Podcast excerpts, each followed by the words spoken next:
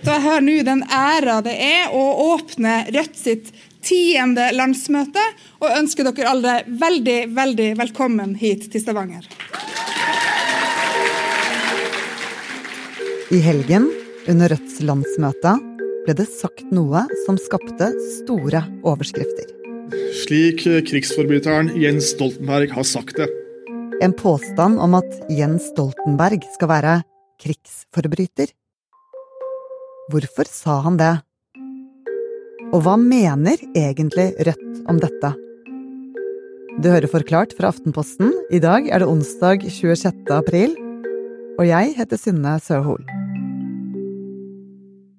Ja, Denne helgen så var det landsmøte for partiet Rødt i Stavanger, på et uh, hotell som het uh, Clarion Energy, uh, i et Stavanger badet i sol.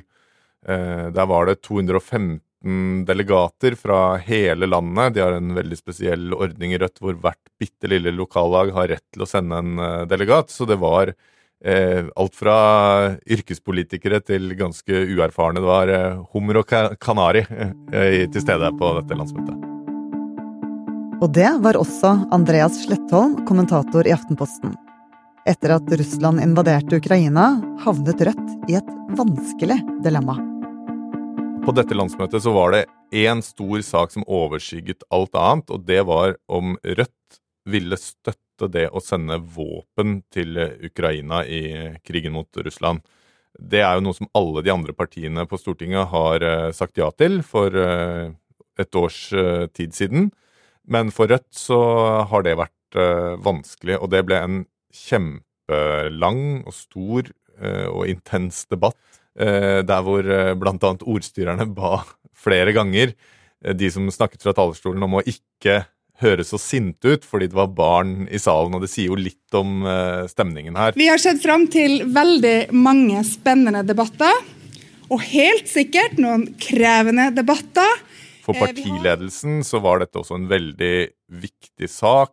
De har flagget at de syns det er riktig å sende våpen, og de var ganske sånn så ganske stressa og ganske bleke ut i tider, fordi det var uh, veldig stor uh, usikkerhet knyttet til utfallet. Mange trodde det ville bli veldig jevnt, og det var på en måte en kamp om partiets sjel.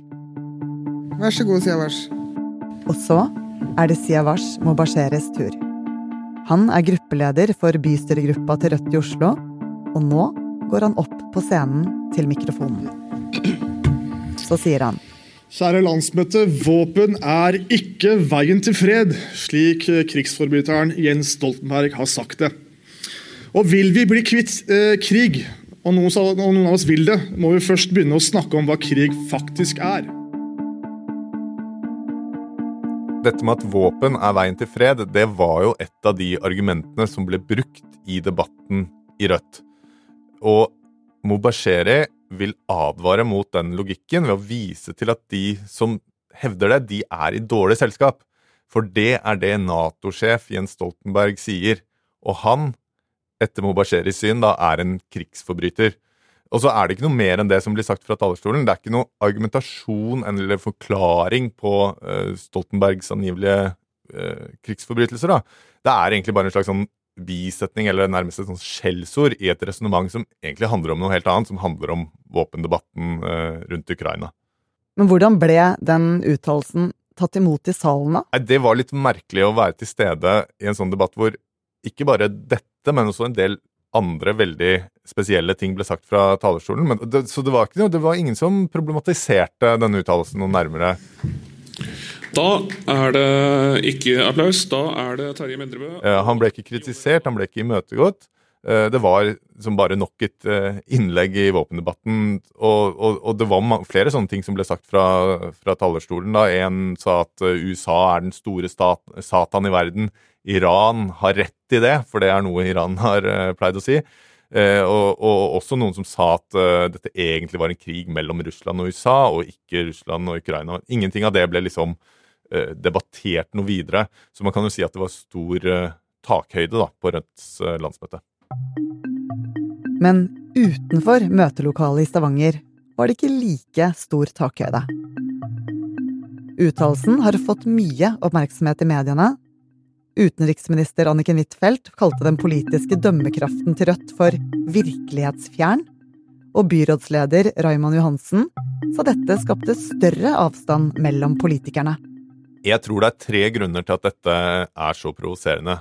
For det første så er det en veldig drøy anklage, eh, som juridisk sett, da, ifølge de som holder på med folkerett og krigens regler, er helt feil. Den andre grunnen er mer sånn moralsk. I Ukraina så er det stor sannsynlighet for at det begås krigsforbrytelser fra eh, russisk side, og det er noe av bakteppet for den våpendebatten i Rødt. Sånn at en sånn uttalelse gir inntrykk av at eh, Rødt ikke ser forskjell på Putin og Stoltenberg. Og den tredje grunnen er at Rødt jo også er åpne for samarbeid med Arbeiderpartiet. Du skal huske på at Jonas Gahr Støre var utenriksminister, og Raymond Johansen i Oslo han var statssekretær i den regjeringen som Mubasheri snakker om. Sånn at det skaper dårlig stemning å kalle folk du vil samarbeide med, for krigsforbrytelser. Men hvorfor i all verden sa han dette om Stoltenberg da?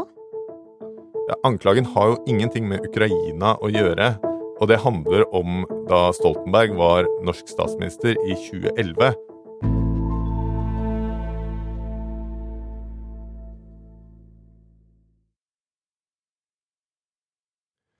I dag så er jo Jens Stoltenberg generalsekretær i Nato, men i 2011 så var han norsk statsminister da Norge og 14 andre Nato-land sendte jagerfly til Libya. I desember 2010 ble en grønnsakshandler i Tunisia så lei av korrupsjon og undertrykkelse at han i ren desperasjon satte fyr på seg selv utenfor kontorene til en lokal guvernør. Det var starten på det som senere ble kjent som den arabiske våren. Utover våren 2011 spredte de voldsomme protestene seg til mange land i Nord-Afrika og Midtøsten. Målet var å kaste diktatorene. Og ett av disse landene var Libya. I 2011 var Libyas leder Muammar al-Gaddafi. En uberegnelig diktator som hadde styrt landet i mer enn 40 år. Men etter at folkeopprøret mot ham startet, holdt han en tale som skulle få store følger. Mens han ser inn i kameraet, sier Gaddafi at de skal rense Libya for fiender.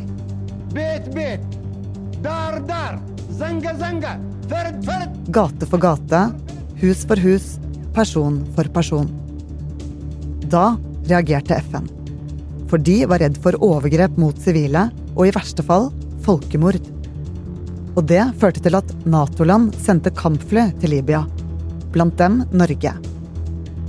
Norske fly slapp 588 bomber over Libya.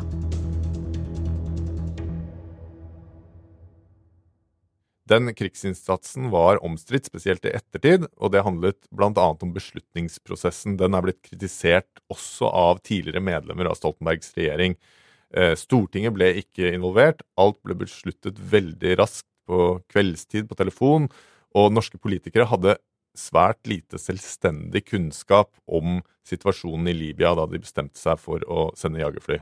Noe av dette ble kritisert eh, i den granskningsrapporten granskingsrapporten som kom om eh, Libya-operasjonen i 2018. Men så mener Rødt også at operasjonen var et brudd på folkeretten og FN-pakten. Men det er omstridt, og rapporten gir ikke støtte til det synet.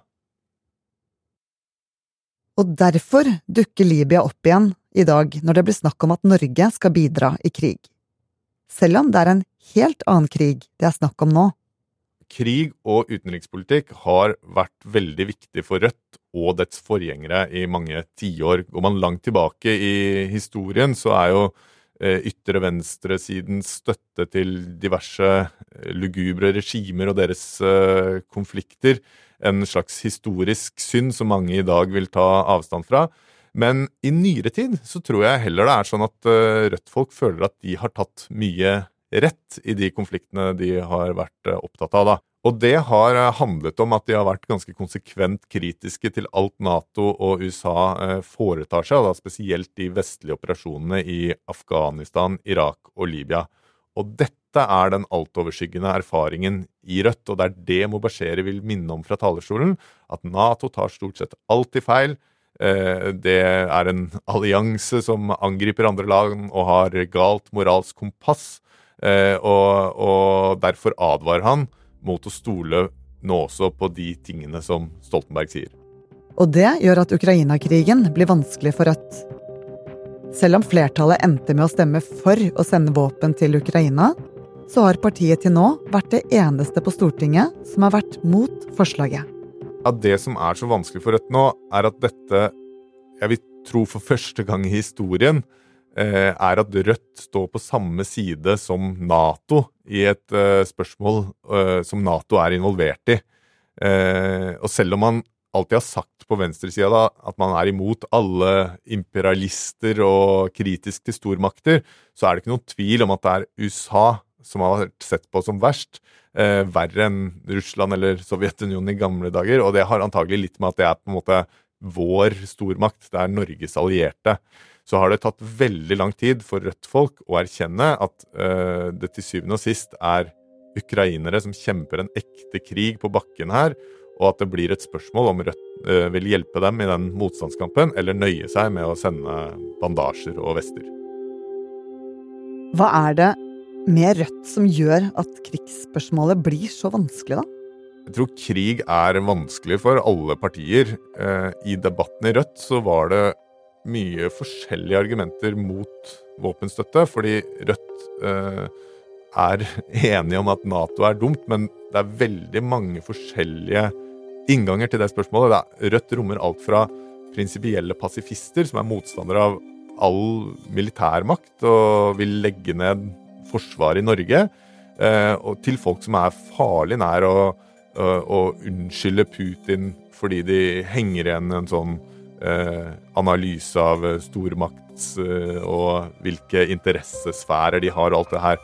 Og så tror jeg at eh, en, eh, et av de bedre argumentene mot våpenhjelp er jo den faren for at det kan eskalere konflikter. Det tror jeg alle politikere eh, frykter, og det er jo ingen som f.eks. har sendt kampfly til Ukraina av den grunn. Men det er nok et argument som vektlegges mer i Rødt enn i en del andre partier. Etter et overraskende stort flertall i våpensaken, så har flere valgt å melde seg ut av partiet. Men selv om et motsatt utfall kanskje hadde vært mer skadelig for Rødt, så har denne saken vært splittende. Rett før invasjonen i februar 22 så lå de veldig høyt. Da begynte strømprisen å virkelig bite, og misnøyen å gro. Eh, sånn at de har falt fra omtrent 10 til 6% på meningsmålingene.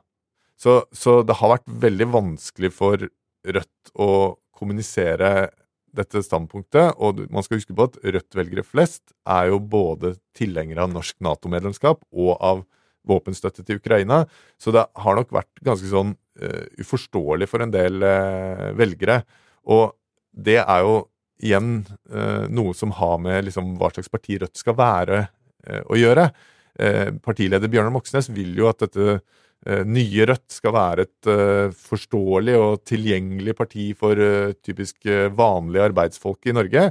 Og, og, denne konflikten handlet egentlig dypest sett om Rødt skulle være det, eller om disse gamle utenrikspolitiske dogmene og alternative analysene fortsatt skulle ha den viktigste plassen i Rødts utenrikspolitikk.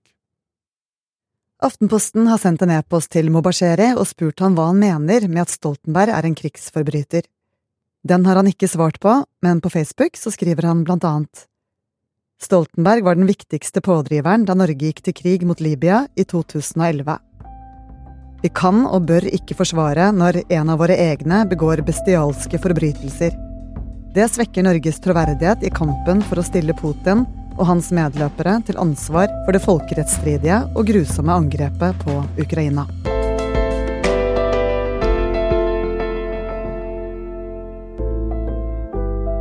Du har hørt en podkast fra Aftenposten. Det var kommentator Andreas Slettholm som tok deg gjennom problemet i Rødt. Denne episoden er laget av produsent Olav Eggesvik og meg, Synne Søhol. Resten av Forklart er Jenny Førland, Philip A. Johannesborg og Anders Weberg. Lyden du hørte, er fra Libyas statlige TV, NTB, NRK og TV 2.